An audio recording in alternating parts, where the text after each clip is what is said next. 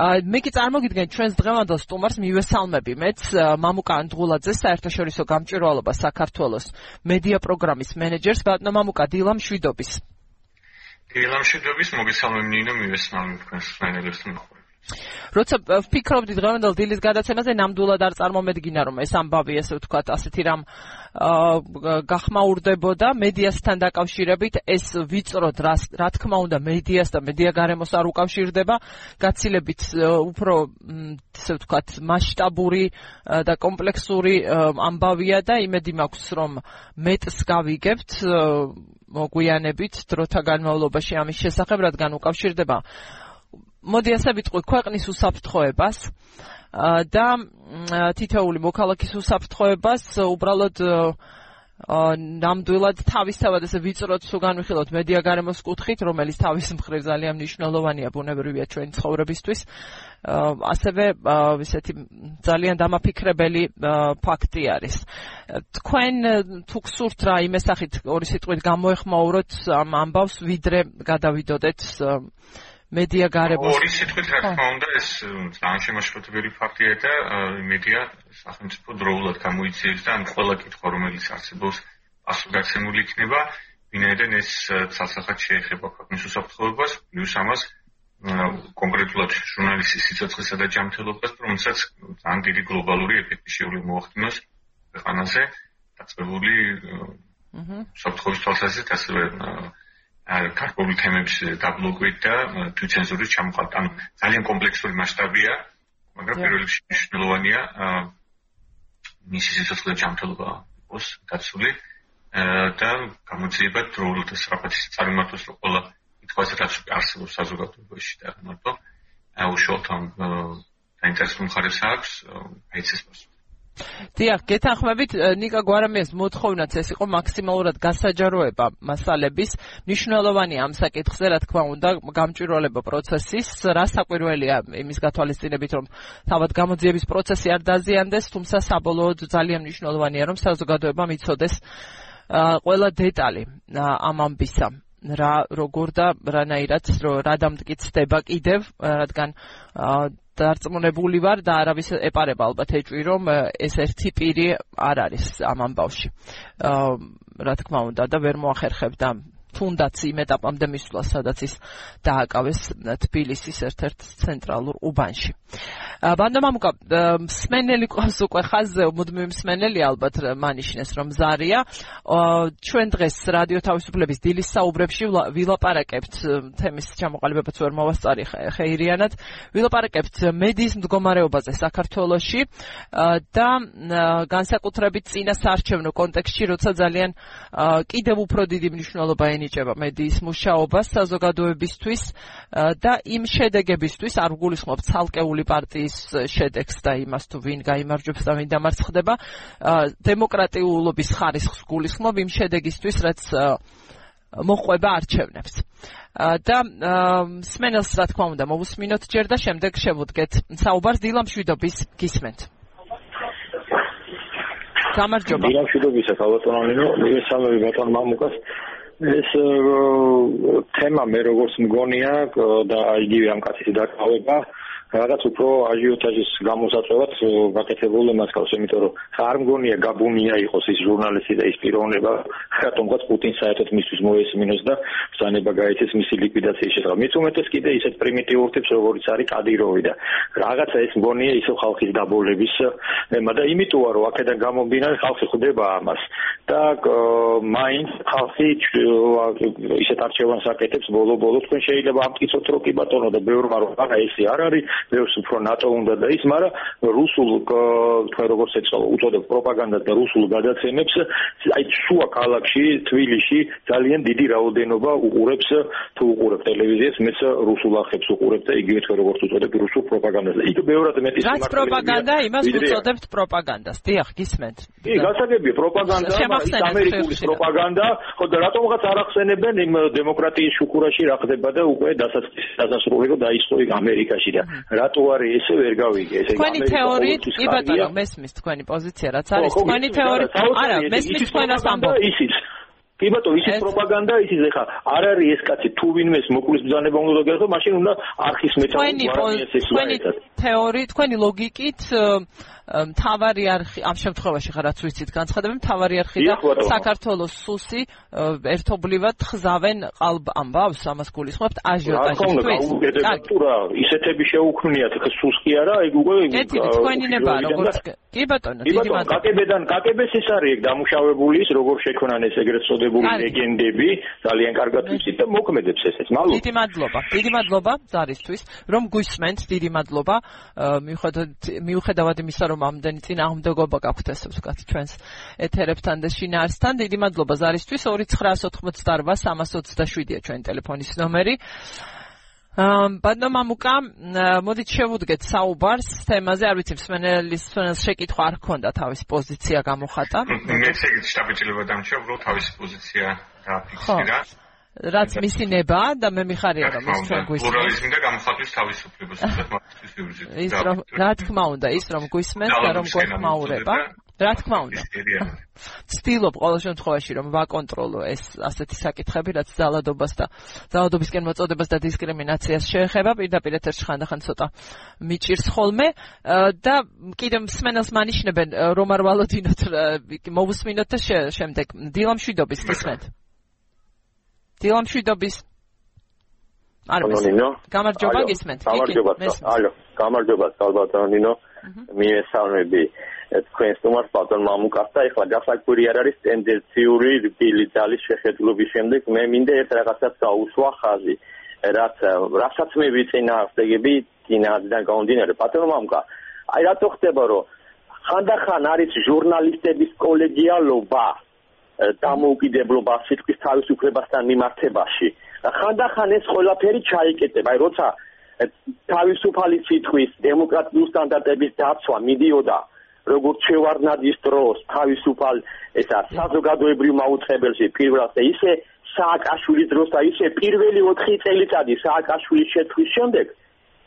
პირველ ეთერში საზოგადოებრივში გააქრეს ყველა ჟურნალისტები ჩუმად არიან არავინ არ აპროტესტებს ამას თავისუფალ მოსახლეობის ურთიერთობას შეწდა ხელისუფლების წარმომადგენლებთან ვისთანაც ჩვენ ხოლმე რიგებში გვითხრევდა დგომა და იმას მაგარ პირდაპირ ეთერში ვიღებთ მაგდან ინტერვიუს.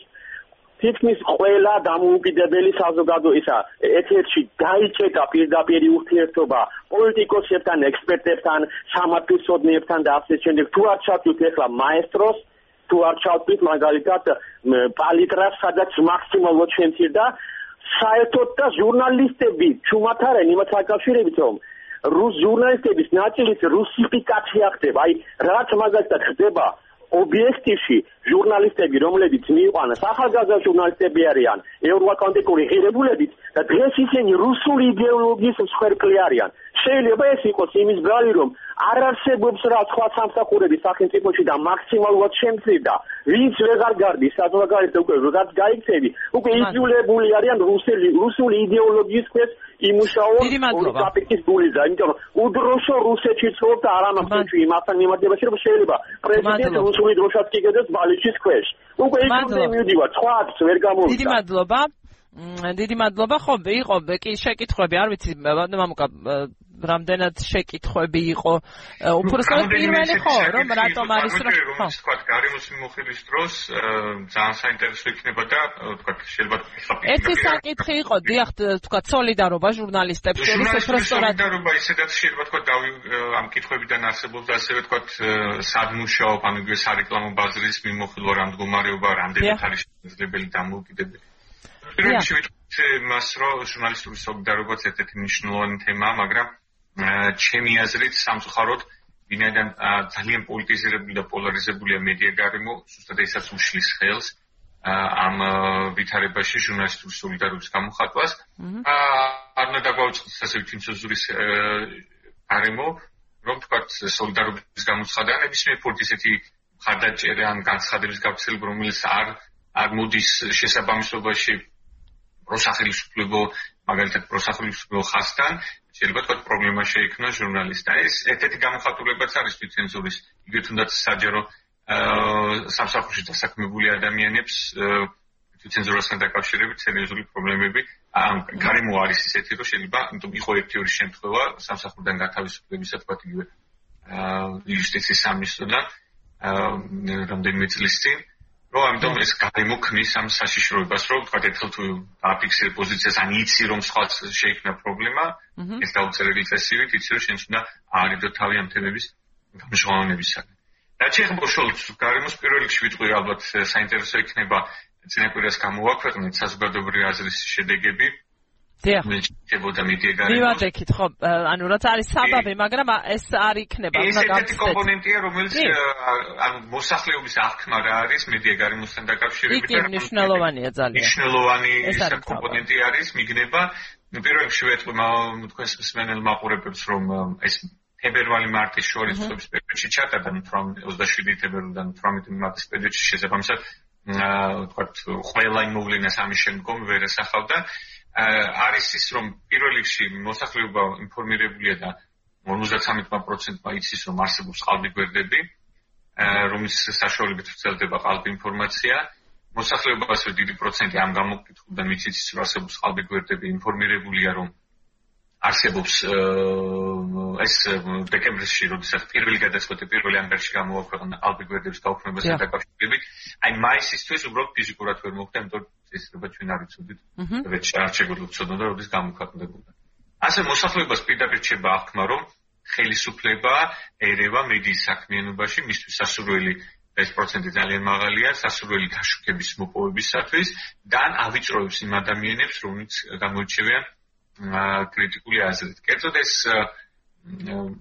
ჩვენ არ ექცის დაგვიწერე ბოლო პერიოდის განმავლობაში არსებობს მიკერძოებული გამოძიება, პოლიტიკური მოტივირებული გამოძიება, იგივე მთავარი არხის მფლობელ მენეჯერთან დაკავშირებით ტელეპირველი დასის შემდეგ და ეს რო თქვა ხელისუფლება ერევა ეს პროცენტიც მაღალია და ის რომ ის არა მარტო ერევა, არამედ ხელისუფლების მხრიდან ხდება მიდის წარმოადგენლების შევიწროება, რომელიც ხელისუფლებას აკრიტიკებენ.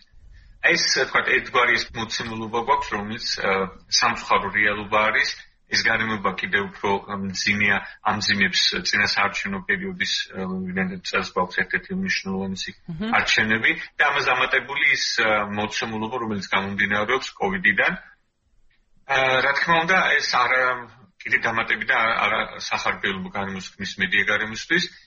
ნიშნულობა მედიაზე დაწმებული ყველაზე პირათიცის და გადასარევად აცნობიერებს არჩევნების პერიოდში განსაკუთრებით რომ ინფორმირებული არჩევნები გააკეთო ეს არჩევნების პერიოდი არ ნიშნავს მხოლოდ ერთ დღეს რა იმ დღეს მივედი არჩევნებზე და მივედი ჩემი ხმა ესაც მნიშვნელოვანი კონსტიტუციური უფლება მაგრამ მთელი ეს პერიოდი თუმცა ჩვენ აზრი უნდა ჩამოვაყალიბო ამა თუ პოლიტიკურ პარტიაზე ეს ზუსტად ამიტომ ჭირდება ჩვენის პლურალიზმი რომ კონდეს შესაძლებლობა აა მიიღო ინფორმაცია ობიექტური და ბალანსებული რომელი პარტია პირველ ხელისუფლებაში, სხვა პარტიები რომლებიც მონაწილეობენ, მათი გეგმების საქმიანობის დისკუსიის შესახებ რომ საბოლოო ჯამში მიიღო გადაწყვეტილი.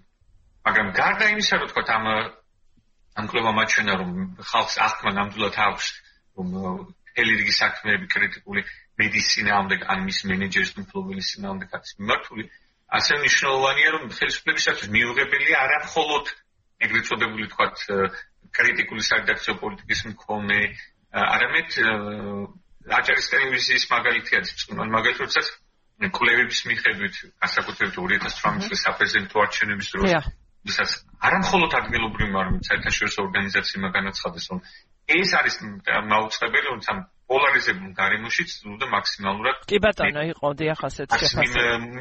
მიწოდებისა და ზუსტად დღესაც ხო შარშან დაწყებული მოვლენები ნათეკაპანაძის დირექტორობის პერიოდშიც იყო სერიოზული გამოწვევა, მაგრამ შემდგომ უკვე პირდაპირ მნიშვნელობით დევნა შევიწროება ახალ დირექტორან ახალ დირექტორი აღარ არის ახალი აღარ ეთქმის რომელიც პირდაპირ მნიშვნელობით დევნა და შევიწროება ხდება არაერთი განცხადება არაერთი შეფასება არაერთი სოლიდარობა პროტესტი მე არც მახსენებას რამდენი შემთხვევა რომ საერთაშორისო ორგანიზაცია მაგალითად რეპორტერების სასწრების გარეთ ამდენი განცხადება გაეცელებინა რომ ეს პირდაპირ ზუსტად მაგასაც უხსნიდით რომ არ ერთგზის ჩვენი ორგანიზაცია ძალიან აკვირდება ამ პროცესებს ჩვენი ადგილობრივი ოფისის წარმომადგენლებიც მეც რამდენი ჯერ ყოფილიყო ჩეხოდრას ქონია რომ უხსნიდით რომ ეს არის უნიშნულოვანი პროცესი ეს გადის მედია პლურალიზმის აქტუალობაში პირდაპირ ასახავს ასხება ქვეყანაში და ამას მნიშვნელობა არ აქვს.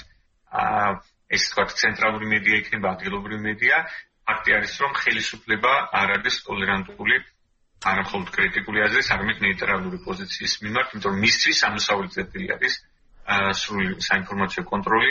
და ეს ის პრობლემები, რომელიც ან მიზნად აქვს დასახულეთ რამდენად ასრულებს ეს სხვა საკითხია, თქო, წინააღმდეგობის და პროტესტის ფონზე. მაგრამ ეს პრობლემები ძირთადად არის სოციალურ ქსელში, ეს პრობლემები არის ძირთადად ტრადიციულ მედიაში, განსაკუთრებით ტელევიზიაში, სოციალურ ქსელში ტროლების ქარხანა, აა ბოლორი გადაწყვეტილებით Facebook-მა ახლობით 1000-ზე მეტი ყალბი გვერდი გაუქმა, ან იმას რასაც მათ შორის ქალბატონო თქვენს ეთერში არაერთხელ საუბრობთ, რომ არსებობს ყალბი გვერდი, ყალბი გვერდი, რომელიც უპირისპირდება არა მხოლოდ პოლიტიკურ ოპონენტებს, არამედ სამოქალაქო სექტორის წარმომადგენლებს, აქტიურ მოქალაქეებს, რომელსაც პოზიციას გამოხატან მიუღებელია ხელისუფლებისა. ბოლო გადაწყვეტილებით ოპოზიციურ პარტიასთან საფილირებული გვერდებით წაიშალა. ამ ეს არის საერთოდ რაც ხდება რეალურად ქვეყანაში და ნუ მაუწყებელთან დაკავშირებით, იმიტომ რომ ეს ორი არის ინფორმაციის მთავარი წყარო. შესაბამისად, აქაც აისახება ის პრობლემები თქვა. და სტელობა, ნუ თემები ძალიან ბევრი არის ხოლმე. შემიძლია თქვა გადავიდე ამ კითხვა-პასუხის რეჟიმში ან მიმართულებით. მეცით რა. რადგან აჭარის ტელევიზია ახსენეთ. ეს არის ერთ-ერთი და ჩვენ გვილაპარაკე ამ ეთერში თქვენთან ერთადაც სხვა რესპონდენტებთან ერთად თავად ტელევიზიის თანამშრომლებთან თუ ყოფილ თანამშრომლებთან ერთად მიმდინარე პროცესებზე. არის თვალსაჩინო მაგალითი ალბათ იმის, როცა პროცესი არის ყურადღების ქვეშ, ეს არ არის რაღაც რაც გაეპარა საზოგადოებას ან დროულად ვერ დაინახა და ვერ შეაფასა რისკები, მაგრამ შედეგი, შედეგი არ არის სახარბიელო გულისხმობ საზოგადოების ინტერესიდან, ინტერესებიდან თუ შევხედავთ. და როგორ ფიქრობთ, რატომ ხდება ასე, რატომ არის რატომ არ აქვს საზოგადოებას ქმედითი ბერკეტი იმისთვის, რომ ასეთი პროცესი არ დაუშვას, როგორ როგორ ვთქვა, რაღაცნაირად შეგავწდები და თქვენ სხვა შტაბეჭდილება გაქვთ, თქვენ ვიცი რომ ძალიან აქტიურად აკვირდებით პირადადაც და თქვენი ორგანიზაციაც მიმდინარე ამბებს აჭარის ტელევიზიაში.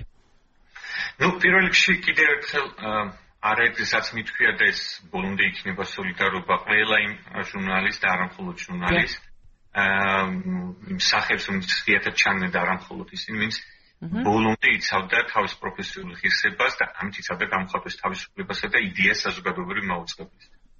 რასაც ხელისუფლება ახორციელებს, ეს არის პირველ რიგში რა თქმა უნდა საზოგადოებრივი მაუწყებლის идеის დისკრედიტაცია და რა თქმა უნდა ინდივიდუალურად ამ ჟურნალისტების უფლებები და თავისუფლება. რაც არის ჯამში პლურალიზმი ახდენს ეგავლენს ეს არის მრავალწახნაგოვანი კომპლექსური საკითხი და თითოეულს აქვს ძალიან დიდი მნიშვნელობა. დაწყებული შრომითი უფლებებიდან თავიდან და სარედაქციო პოლიტიკით და მოუკიდებლად შევიწროებით და ასე შემდეგ. ხელისუფლება არის რომელიც გადაწყვეტილების მიღები არის რომელიც ირჩევს მათ შორის სამმართველოთა საბჭოს წარმომადგენლებს კი არის კოტირების პრინციპი მაგრამ უმრავლესობა გარანტირებულად ყოველთვის მას აქვს და საბოლოო ჯამში გადაწყვეტილებას იღებს ის და მისი ზეგავნა ხდება. რაც იგი მშობლთა საბჭოს გადაწყვეტილებები პირდაპირ ფედერაცია მართლი პარტიის პოლიტიკურ ხასთან რომელიც გულისხმობს საინფორმაციო კონტროლს. ანუ მე ყოფამობდი ამას რომ რასაც თქვენ აკეთებთ შეიძლება ფორმალურად შეუძლებელია სხვა შეაცრებულ გადაწყვეტილება. ვარჩაირები ახლა. დიახ.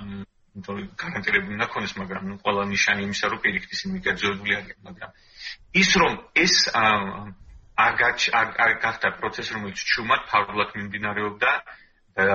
არეთ შემთხვევებს ჩვენი ისტორიაშებსაც მაუწყებიდან თანამშრომლების პატივისცემება იქნება თუ სარდაკზე პოლიტიკის ცვლილება ისე განხორციელდა რომ თქვა საჯარო დისკუსია ან საჯარო დისკუსია ნორმალურადაც არ წარმართულ მაგრამ ამათმა შეძლეს ის რომ სააშკაროდ გამოიტანეს ის ყველა მახინჯი მხარე რომელიც დაკავშირებულია კონტროლთან. რა შეიძლება ის საზოგადოებრივი სოლიდარობა ის რომელიც შეიძლება ფორმალურად ვერ შეაჩერა ეს პროცესი კერძოდ ხელში ჩაგდებისა და ჩვენ არა ეფექტიანი აღმოჩნდა მაინც. მიუხედავად იმისა რომ დასაჭიროებულია ჩვენ ყვებით დიახ. ეფექტურობასთან რაც შეეხება ეს საკითხი არის მიბმული ეგრეთ წოდებულ თქვა ხელისუფლება რამდენად უსმენს საზოგადოებას აჰა.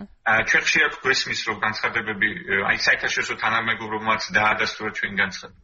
სამწუხაროდ ხელისუფლება არ უსმენს პირველ რიგში საკუთარ მოქალაქეებს აა არ აქვს აღქმა თქვა რომ ეს არის პრობლემატური საკითხი, იმიტომ რომ ეს რადიკალური ზომა აქვს მაგალითად გამოხატვის თავისუფლებასთან დაკავშირებით. კი არა, ხალხი ანუ სისხლის სამართლის საქმეებია აცური. აი 20 ივნისიც ახლოვდება.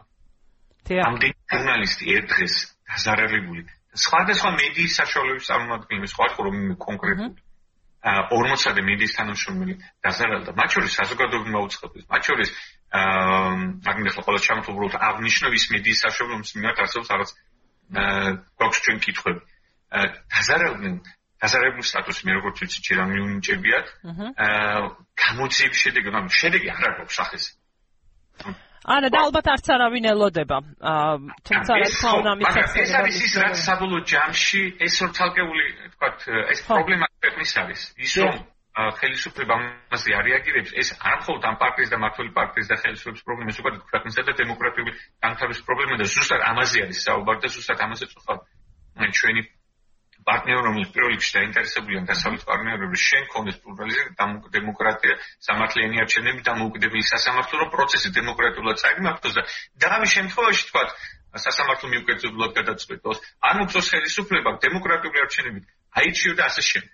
ანუ ეს მთლიანი პროცესი არის ამის ნაწილიც კერძოდ ხელისუფლების თქვა რა როგორ განვითარებას მივდივარ და სამცხაოთ ხელისუფლება როგორც ყველა მიმართულებით ამ მიმართულებით სასამართლოს დამოუკიდებლობა და ეს ერთ-ერთი მნიშვნელოვანი საკითხია რომ მედიასაც ასე მიდის.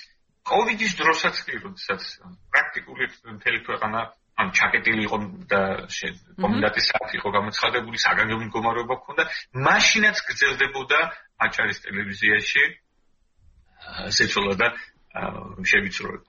ანუ მაქსიმალურად არჩევნების წინა პერიოდისათვის მოთავისუფლდეს ველი სადაც კი ხელი მიუწვდება ხელისუფლებას აა რომ სარედაქციო პოლიტიკა მაქსიმალურად გაკონტროლებული იყოს, რომ პირველი ა მისთვის სასურველი ინფორმაცია ვრცელდებოდეს და მე თუ თქვა გავცელდა სხვა ინფორმაცია, თქვა ალტერნატიული ინფორმაცია შესთავაზონ, ან დისკრედიტაცია მოხდეს. ეს არის მთელი ძირითადი ამოცანა. ეს ეს ინტერესი გასაგებია, ეს ძველია, მაგრამ მე ისევ მინდა არ ვიცი, ვეძებ რაღაცა იმედ ჩასაბღაუჭებელს რომ იტყვიან. მე მინდა ისევ გადავიდეთ საზოგადოების აღქმაზე. ამ გამოკითხვაში, რომელიც თქვენი ორგანიზაციის დაკვეთით ჩატარდა, არის ასეთი პოზიციები. ერთი მხრივ, მოსა გამოკითხულების უმრავლესობა დიდი უმრავლესობა ესე რომ შეკრიბო როცა ჩარევას ეხება საქმე რამდენად ერევა ხელისუფლება მედიის საქმიანობაში და ასე შემდეგ ხანდახან ერევას და ყოველთვის ერევას თუ შევკრიბავთ გამოდის 70%-ზე მეტი ვინც ასე ფიქრობს როცა საზოგადოება ასე ფიქრობს, როცა საზოგადოება თulis რომ იმავე ყალბგვერდებთან დაკავშირებით პრაქტიკულად თანაბარია თითქმის 1%-ით მეტია მეცაც ვიტყვი. იმათი რიცხვი ვინც ფიქრობს რომ ვინც განსაზღვროს ვინ იდგა ბოლო პერიოდში სოციალური სოციალურ მედიაში არსებული ყალბი გვერდების უკან. 14% მთავრობა 15% ოპოზიცია 18% თulis რომ ორივე. ეს ყველაფერი ძალიან ზრდის სკეპტიკურ დამოკიდებულებას ზოგადად მედიის მიმართ განურჩევლად იმისა, ვინ რომელი მედია როგორია და ასე შემდეგ როგორ მუშაობს და რა პრიორიტეტები აქვს. აი ეს მგონია მე ძალიან მნიშვნელოვანი გამოწვევა ამ წინას არჩევნოთ და თქვენი აზრით რა პოტენციალი არსებობს რა რა მდგომარეობასაც ახლა ჩვენ ვუყურებთ. მათ შორის ალბათ ნიმინო გადასარევი ის არის ბოდიში რო გაწყვეტინე ეს არის გასაღები საკითხი, რომელიც თქვენ წამოწიეთ, გულისხმობთ, რომ ზუსტად ამას ემსახურება ეს საზოგადოებრივი აზრის манипулирება, რომ მოსახლეობა შეცდომაში შეიყვანოს და დისკრედიტაცია მოახდინონ, მაგალითად აი ეგრეთ წოდებული იარიკების მიხედვით, რომ შენ ამას არ მოусმინო, ამას მნიშვნელობა არ აქვს რა ინფორმაციას აღწერს, იმიტომ რომ ეს არის ასე და ასე შემდეგ. ამიტომ აქ სამუშაო არის ძალიან დიდი. ისაც მე თქვი თქვა წარმოადგინის შედეგები კიდევ სამაჩვენებს, რომ სად არის აუცილებელი აგრძელდეს როგორც ჩვენი ორგანიზაცია, ასე სხვა დაინტერესებული მხარის მუშაობა, რომ საზოგადოების ინფორმირება. ანუ საზოგადოების ინფორმირება მოსახლეობა უნდა იცოდეს, ან პლურალიზმი კი აქვს გამოხატვის თავისუფლება, მაგრამ უნდა ვიცოდე ვინ რას აფცელებს. აი ეს ყალბიგერდები ზუსტად ამას ეხება, რომ ადას მახდება როგორც პოლიტიკურ ოპონენტებს, არის სხვაზე რომ მოხდეს მათი დისკრედიტაცია. ანუ შეიძლება თეთრ პრაქტიკულად აი 20 ივნის შემთხვევაში თეთრი შავი შემთხვევა არის მე ავსაუბრობ იმ ტრაგედიაზე და იმ მსხვერპლზე რომელიც თქვათ ელმარიგმა პროტესტანტებმა გაიერთეს თქვა სასიცოცხლო თელს ხოვის მანძილზე თვალის დაზიანება აქვს მიიღებული რომელიც შეუძლებადი დაზიანება მიიღეს. ის არის ერთი უდიდესი ტრაგედია ისაკითხი რასაც აპროტესტებდა საზოგადოება და ასევე ჟურნალისტი. ხო ნუ პირდაპირ ეთერში არაერთი ჟურნალისტი არის. სემი და მაინც შედეგს არ ანუ ხელისუფლება მაინც არ ახორციელებს ამას. ფაქტია რომ თქვა აა ზუსტად ამას ემსახურება, რომ მოსახლეობის ასაზოგადოებრივი აზრის манипуლირება მოახდინოს, რომ ზეწოლა არ განხორციელდეს, თუნდაც იგივე აჭარის ტელევიზიის თანამშრომლობის დაცვასთან დაკავშირებით, იგივე გამოძიებასთან დაკავშირებით. ეს არის ერთგვარი საინფორმაციო კრატეა. აა ერთი საინტერესო კვლევა არსებობს, რომ წლების განმავლობაში ბოლო პერიოდში იკლო საერთაშორისო კვლევა ფიზიკური ძალადობა. ეს ზოგადად გლობალურად, მაგრამ ეს იმას ანიშნავს, რომ სახელმწიფოებსაც გააჩნია რა თქმა უნდა. მაგრამ ეს იმას ანიშნავს, რომ ხელისუფლების ჩარევა შეწყდა. პირიქით, ამ თანამედროვე მედიამ საშუალება სანამდე აძლევს კონტროლის შესაძლებლობას, მანამდე ფიზიკურ აქტიურ ძალადობას არ გადადის. მაგრამ ეს იმას ანიშნავს, რომ ძალადობა არ არის, თუმცა 24 საათი ათასობით გვერდი აა ყალბ ინფორმაციას აღწელებს არანაირად, როდესაც გაქვს ძალიან მიკერძოებული აგრესიული საერთაშორისო პოლიტიკა ტრადიციულ მედიაში, კერძოდ ტელევიზიაში. ესაც არის ერთ-ერთი მიზეზი და მნიშვნელოვანესი მიზეზი, რომ ჩვენ საზოგადოებაში, თქვა, ხელისუფლება ცდილობს манипуლირებას, რომ მასზე ზეწულ არ მოხდეს სხვადასხვა თემატიკასთან დაკავშირებით.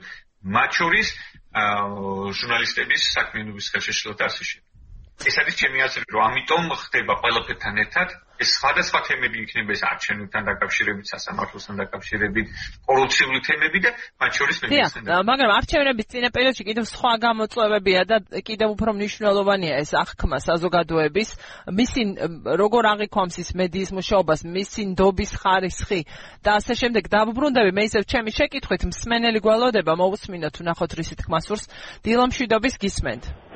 დილაშნობის სადი გამარჯობათ. გამარჯობა. აა შენის მისახით მოდის ნოხტი თილა რომ ერთი რაღაც გთხოვოთ რომ აი ეს მაინც და მაინც თქვენი სტუმარი ვლაპარაკობს საზოგადოების სახელით ძალიან გთხოვოთ რა. იმიტომ რომ ასე თქვენი ბრძანეთ. დიახ. არა, ახლა საზოგადოებაში მე თვითონები და ჩემი სახელით ვისაუბრობს მე. თქვენი ბრძანეთ, რასაც ფიქრობთ თქო, ამის თქმა მინდა საშუალება. ხო, ხო. ერთო ერთი რაღაცა არის რა თუ თქვენ სულ ასე ისაუბრებთ ხო რომ ხალხი გაღიზიანდება მეტი არაფერი აი ეს ხარეს ეს ხარეს არ შეიძლება საუბარი ასე რომ საზოგადოების გარკვეული ნაწილი კი არა დიდი ნაწილი რომელიც ყველას ფიქრობს და იქნებ ვიღაცაც ანგარიში გაუციოთ ხო ობიექტურები ხართ თუ კი თქვენ წარმოადგენთ ამ ხარეს ბრძანეთ თქო ამას გულისხმობ თქვენ გამოთქვით აზრი ხო არა მე მე აინტერესებდა ეს იმაზე შეკითხვა დამესვა რა იმ გაბუნიაზე გეცო. დიახ. აი დარწმუნებული ვარ 100%-იანი რომ ეს დაიგეგმა კიევში, იმიტომ რომ როგორც სანაია მოხდა მაშინ შევარდნაძის დროს რომ ხალხი გამოეყვანა, იგივე იყო ჩანაფიქრი. ამას გეუბნებით სრული გარანტიით 26 წლის სტაჟინა კოოპერატიული სამსახურის. აი სრული გარანტიით გეუბნებით რომ ეს დაგეგმილია კიევში. და ვის ვის ვის ინტერესებს სამსახურება? ვის ინტერესებს და უკრაინაში ვინც არის იმის ინტერესებს, ვიცი. დიდი მადლობა ზარისთვის 2988-327-ია ჩვენი ტელეფონის ნომერი. ბადო მამუკა შენიშნა მოგვცეს. თუმცა განსამარტებელია აქ როცა საზოგადოებას ვახსენებთ, რას გულისხმობთ, რომ არა მე როცა ვახსენებ ყოველ შემთხვევაში ნამდვილად არ გულისხმობ ცალკეულ თქვა რაღაც ინტერესის ჯგუფს, პოლიტიკური სიმპათიების ჯგუფს იქნება ეს და ასე შემდეგ. როცა ვამბობ საზოგადოებამ გულისხმობ ყველა ჩვენგანს ვინც კი ვართ სტუდიაში სტუმარი თუ როცა ისეთ საკითხს ვეხები რომელიც ვთვლი რომ ყველას ინტერესს შეეხება. მაგრამ მამუკა გისმენთ მინდა რომ გამოეხმაუროთ ამ სმენას აა ნუ ახლა ზუსტად ეს არის გამოხატვის თავისუფლება, რომელზეც საუბრობთ ახლა პოლემიკაში არ შევა. რა თქმა უნდა. ამ თემასთან დაკავშირებით, რომ ყოველას აქვს გამოხატვის თავისუფლება და აფიქსოს პოზიცია, მანამ თუ იქ თქვა ძალადობისკენ არ მოუწევს და დისკრიმინაციული არ არის, ასე წელს შესავალშივეც ვისაუბრეთ. აა თვითონ იგივე საზოგადოებრივი კვლევასთან დაკავშირებით იქ პროცენტებიც არის მოცემული და რაზეც არის საუბარი. თუმცა ეს საკითხი ახლა საზოგადოების სახელით რა თქმა უნდა მე აც თაუნდობა და არაფერი არ მაქვს რომ ვისაუბრო უმეტეს მიუღებელია ჩემთვის ასე საუბრო. უბრალოდ იმ შედეგებზე თუ ვისაუბრო. რა რა უნდა საზოგადოებას ამას თქვათ იგი არჩევნებზე ხედავთ, ამას იგი თქვათ გამოკითხვის მიხედვით ხედავთ და ეს გვაძლევს საშუალებას ვიფიქროთ თქვათ უმრავლესობა და უმცირესობა. თუნდაც იგივე საკითხი, თქვათ ვინ დგას ალგორითმების უკან, იქ სასახად არის მითითებული და განყოფილი თქვათ ვინ ფიქრობს ოპოზიცია, ხელისუფლება და მის ზოგადად ამბობს რომ არ გაქვს ამ კითხვაზე პასუხი. რო დაუბრუნებ ზოგადად იმ თემას თქვათ არჩევნთან დაკავშირებით ეს მედია გარემო გარდან ძველი ნაცნობი პრობლემებისა აა ვთქვათ, სინარჩემისგან გასხოვებით კიდევ უფრო დამძიმდა ამ კოვიდის გამო, იმიტომ რომ ფიზიკურ სიცოცხლესა და ამ ჩამთელობას შეეხება საკითხი, აა იგივე ვთქვათ, იგივე საგანგებო მდგომარეობის დროს ფიზიკური გადაადგილება აა კარკოლოგიაში შეზღუდული იყო და გასაგები მიზეზების გამო, აი არ ვიცით რა იქნება თქვა კი ეს ერთი მხრივ არის ხო გამოწვევა. მეორე მხრივ მგონია რომ ამან კიდე უფრო გაზარდათ ამად მედიის მუშაობის აქტუალურობა. მე ცოტა სხვანაირად მინდა დავუბრუნდე საკითხს. მსმენელი გველოდება მოусმინოთ და შემდეგ დავსვამ ჩემს შეკითხვას. დილამშვიდობის გისმენთ. მოგესალმებით. გამარჯობა. მოგეს გამოსალმებით. უკაცრავ ჩაუწევ ხმას და ისე გავაგზავნებ დიახ დიახ აჯობებს თორემ ეხო ესე ის კი კოჩენთან ისმის. კი აი წინა გამომცვლელი გახდა მაპროვოცირებელი იმისა რომ დამესვა შეკითხვა და ასე გამომეხატა ცოტა უხერხულია როცა ჟურნალისტი თავდასხმის ინფორმაცია ვრცელდება და ფაქტიურად ადასტურებს შესაბამისი სამსახური რომ ეს რეალობას დაახლოებულია ვიღაცას გადააბრალ თუმცა ეს გამოძიების საქმეა. მაგრამ ერთ გავიხსენებ. მე იმ საზოგადოების ნაწილი ვარ რომელს რომლის არსაც თქვენ გამოვხატავთ და საზოგადოებაში რა თქმა უნდა ყოველს აქვს საშუალება თავის საზოგადოება თუ არის ყოველს აქვს თავისი აზრი მაგრამ ის დამოკიდებულება რომელიც თქვენ გამოხატეთ ჩემთვის მისაღებია სხვისთვის თუ არ არის მისაღები. და ყველაზე მთავარი ქვეყანაში სამწუხაროდ ორი მიმართულება არის და მცდელობაა რომ მესამე იყოს დამოუკიდებელი მედიის ჩამომედიის ჩამოყალიბებისა და ეს ასახავს იმ რეალობას რომელშიც ვცხოვრობ. და 70-იან წლებში სხვადასხვა ადამიანი რომელიც სხვადასხვა ფორმით იბრძოდა იტალიაში იმ მდგომარეობის წინააღმდეგ რაში რაც იყო გამოთებული მაურო დე მაურო გაქრა უყალოთ. ეს ჟურნალისტი იყო. ჩვენთანაც არის უცნელობა ჟურნალისტებისა რომ რაღაცეებს შეებრძოლონ და ყველაზე დიდი უხილავი და ხილული მტერი ჩვენთვის არის რუსული ოკუპაცია. და ის საზოგადოება რომელიც ამ ხარეს დგება როგორი მიკერდლებული უნდა იყოს მაინც ღირებულია. თუმცა მედია უფრო მეტი მეტი გზა და საშუალება უნდა მეტი გზა და საშუალება უნდა მონახოს იმისა რომ წინ წავიდეს ყველაფერი და თავარი ყველაზე მნიშვნელოვანი დიდი ხელშეწყობა სჭირდება რეგიონალურ მედიას. იმიტომ რომ ფრენჯერ სისტემა არ გვაქვს ისეთი რომ ადგილზე ყველაფერი შედარებით დამოუკიდებლობანი დამოუკიდებელი იყოს და ამიტომ ადვილია რეგიონალური მედიის გადატეხვა. მარტო თბილისში არ არის. საქართველოს და საერთაშორისო გამწვავება როგორც თქვენი ორგანიზაცია როგორც შეუწყობს ამას. ძალიან მნიშვნელოვანია შიდა ქართლი და გორი. მოგესალმებით და გასულ ზაფხულს ჩვენ ერთად ვიყავით. გადასარევი შეხვედრები იყო. არინავა თავაქარაშვილი და მადლობა. დიდი მადლობა ზარისთვის და მოსაზრების გამოხატვა ხატვისთვის დიდი მადლობა ქალბატონო არინა. ვაგრძელებთ რადიო თავისუფლების დილის საუბრებს. რა როგორ გამოეხმაურებოდით ქალბატონო არინას აქცენტებს დიახ პირველ რიგში მადლობა საკუთარ პოზიციის დასაფიქსირებლად ამის მოსაზრებებია ცალსახად ვეთანხმები რომ ეს ვთქვათ ამ გადაცემაში კი არა მთელი დღე შეგვიძლია ვისაუბროთ ცალკეულად რამდენი მიმართულებით პრობლემები არის მათ შორის გამოყოფთი და კარგად გადაცემული რეგიონალური მედიის პრობლემა. აა ეს ვთქვათ, ესეც მნიშვნელოვანი კომპონენტია პლურალიზმის უსუნელსაყოფად და პლუს ამას ადგილობრივი საჭიროებებისა და პრობლემის საქანადო გაშუქებასთან დაკავშირებით. ჩვენ გვაქვს ცალკეული კარგი მაგალითად თუნდაც ეს უფრო განუნაკლისია უცებ რეგიონალურ მედია ახერხებს მეტნაკლებად. დიახ, დიახ, არის ნამდვილად. ფინანსურად გრადი შეიძლება ხდება რომ ნუ კადრების შენარჩუნების პრობლემა და ასე შემდეგ. თუმცა ის მოახერხა არაერთი მაღალპროფესიული და აუცილებელი საზოგადოებრივი ინტერესის შემცველი ინფორმაცია და გაცილებით დიდ თავდადებას მოითხოვს ეს ესეთ პატარა საზოგადოებებში კიდევ და თემებში მედიას მედიის დამოუკიდებლად მუშაობა.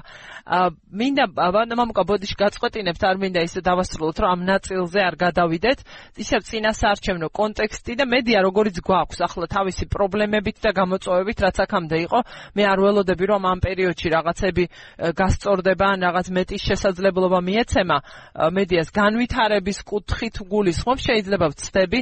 ახლა უფრო ესე ვთქვათ დღი ყოველდღიური რაღაც მყისიერი საკითხები წდება. მე არ ვაპირებ, რა თქმა უნდა, არავის არც ერთი ჟურნალისტის, ცნობილი ტელეწამყვანის და ასე შემდეგ ან არხი, ამა თუ იმ არხის ხელმძღვანელობის გადაწყვეტილებების შეფასებას ცალკეულის, უბრალოდ მინდა ვთქვა, ჩვენ ვაკვირდებით დღეს ასევე გარკვეულ გადალაგებას, გარკვეულ კონფლიქტს იქნება ეს პრინციპებსა თუ ინტერესებს შორის და ასე შემდეგ. ამ ყველაფრის მოწმე ვართ. მე უბრალოდ სხვა ყველაზე მნიშვნელოვან საფრთხეს ხედავ ყოველი არჩევნების დროს. ეს საფრთხეც არის ხოლმე და რეალობაც შემდეგ, ხო? თუ უკვე არა. აა თქვენი აზრით, ანუ თავარ გამოწვევად ვთვლი იმას, როცა მედიის და მედია ორგანიზაციების, მედია საშუალებების დღის წესრიგები განისაზღვრება პრაქტიკულად არა მთლიანად საზოგადოებისთვის აქტუალური თემების აქტუალობით, არამედ პოლიტიკური ძალების ინტერესებით. ეს არის თავარი რისკი და საფრთხე მე ვთვლი წინასაარჩევნოდ მედიის მუშაობისთვის ყველა მედიის უკლებლივ ჩვენი ჩათვლით. და ვაზოგადებ ამას ამიტომ. ეს შეიძლება იყოს თქვა შეგნებული არჩევანი რომელიმე ორგანიზაციის ხელმძღვანელი შეიძლება იყოს უბრალოდ მიყოლა გარკვეულ პროცესებს. თქვენ თუ ხედავთ ამ საფრთხეს?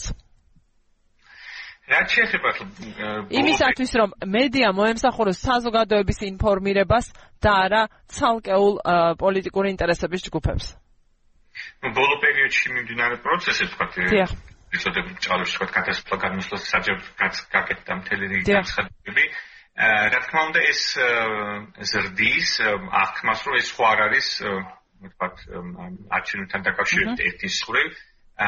თუმცა მათი განცხადებით ჟურნალისტების ეს არის არჩევნებთან დაკავშირებით ეს სხვა საკითხებთან მხიათ მან სოციალურ ქსელებში დაწერეს. უბრალოდ არის თქვა ის ადამიანები რომლებიც წლების განმავლობაში მუშაობდნენ.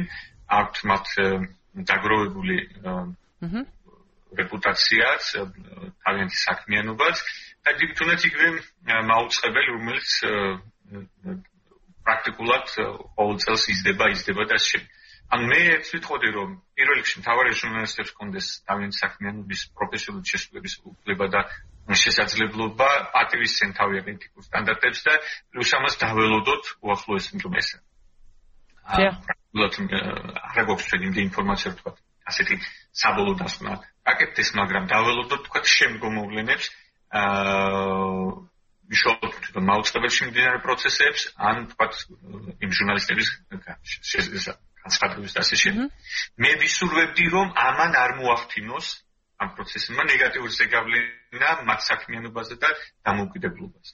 იმიტომ რომ ისედაც დამზიმებული არის ქართული მედია გარემო და ისედაც თულ ვითარებაში უწევს ჟურნალისტებს მუშაობა ის სხვადასხვა ობიექტური თუ სუბიექტური პრობლემების გამო და მედია რო ეს არ იქნება დამატებით ისე. საწაველოდოთ კი ბატონო.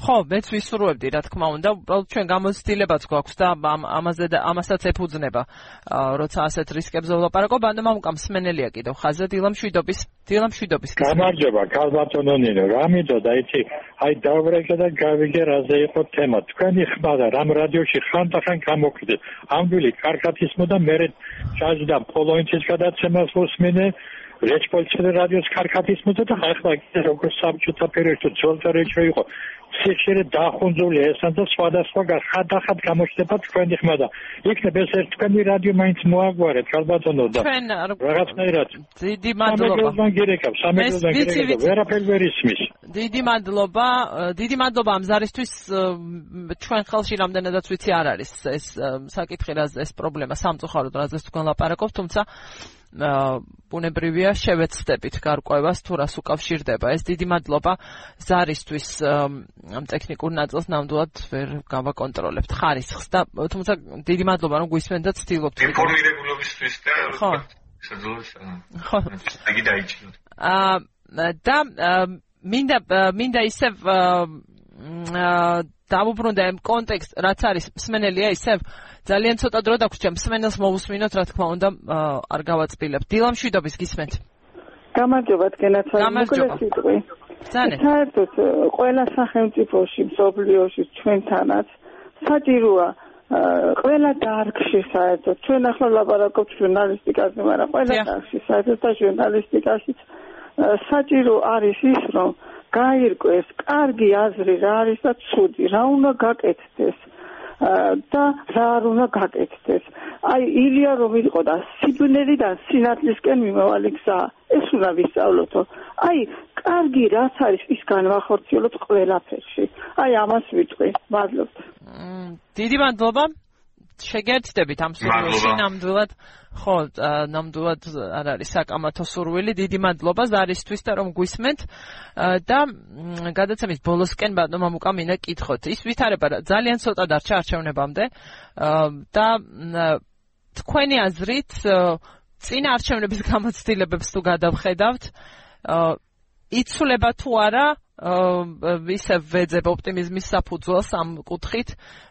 მიდის თუ არა წინ ქართული მედია? იმ ყველა ასპექტით რასაც ჩვენ დღევანდელ გადაცემაში შევეხეთ. წინასარჩევნო პერიოდის მუშაობას თუ შევაფასებთ და სურათს. თუ ისე ვიგივე აი დიდწილად შეიძლება ბევრ რჩებოდეს შთაბეჭდილება რომ ყველაფერი მეორდება სხვადასხვა სახელებით ანუ პროცესი გაცნობი უბრალოდ მონაწილეები ან თქვა საკითხები სახელშეცვლილი თუმცა ამოსავალი წერტილი და ანუ მიმართულება ერთია. თუ გადახედავთ ბოლო წლების არჩევნებს ეს ვთქვათ 2016 წელს არჩევნების წინ გადაცემების დახურვაც იყო იგივე რუსთაველის ამბების დაწყება საზოგადოებრივი აზრის კვლევის გამქვეყნებასთან დაკავშირებული პრობლემები და ასე შემდეგ. 2018 წლის საპრეზიდენტო არჩევნებები ყველაზე ნეგატიურად შემოჩეული ხოლო წინა წელი სანამ ეს კოვიდის ამბები დაიწყებოდა მედია გარემო ანუ ტენდენცია იყო ძალიან ნეგატიური ძალიან საშიში.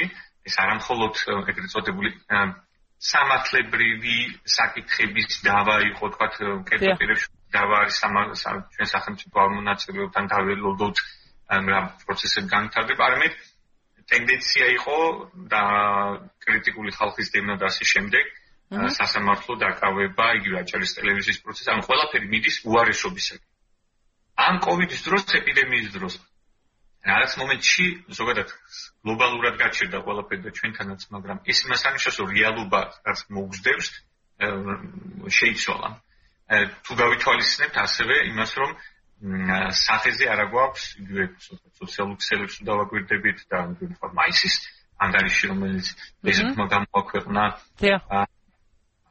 დიახ. სურვილი რო თქვა რაიმე მნიშვნელოვნად შეიცვალოს უკეთესობისაკენ ნამდვილად სახეზე არ არის. უბრალოდ ამ კოვიდსამან თემატურად სხვა შეცვალა და რა თქმა უნდა კიდევ ერთხელ გაუსვა ხაზი თუ რატო არის მნიშვნელოვანი მოუკიდებელი ობიექტური მედია რომელსაც პირდაპირ მნიშვნელობით სასიცოცხლო მნიშვნელობა აქვს.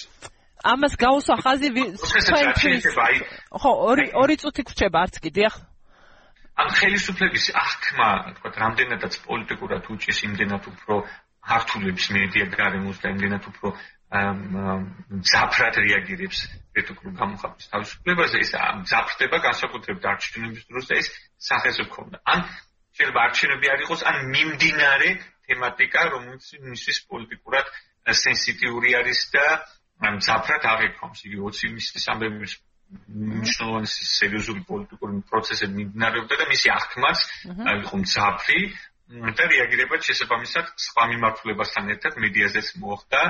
იგივე თქვათ ერთ-ერთი სერიოზული დასკვნა რაც გააკეთეს 2018 წლის დროს რომ არჩევნების მერე აი ნეგატიური გვერდები არსებობს.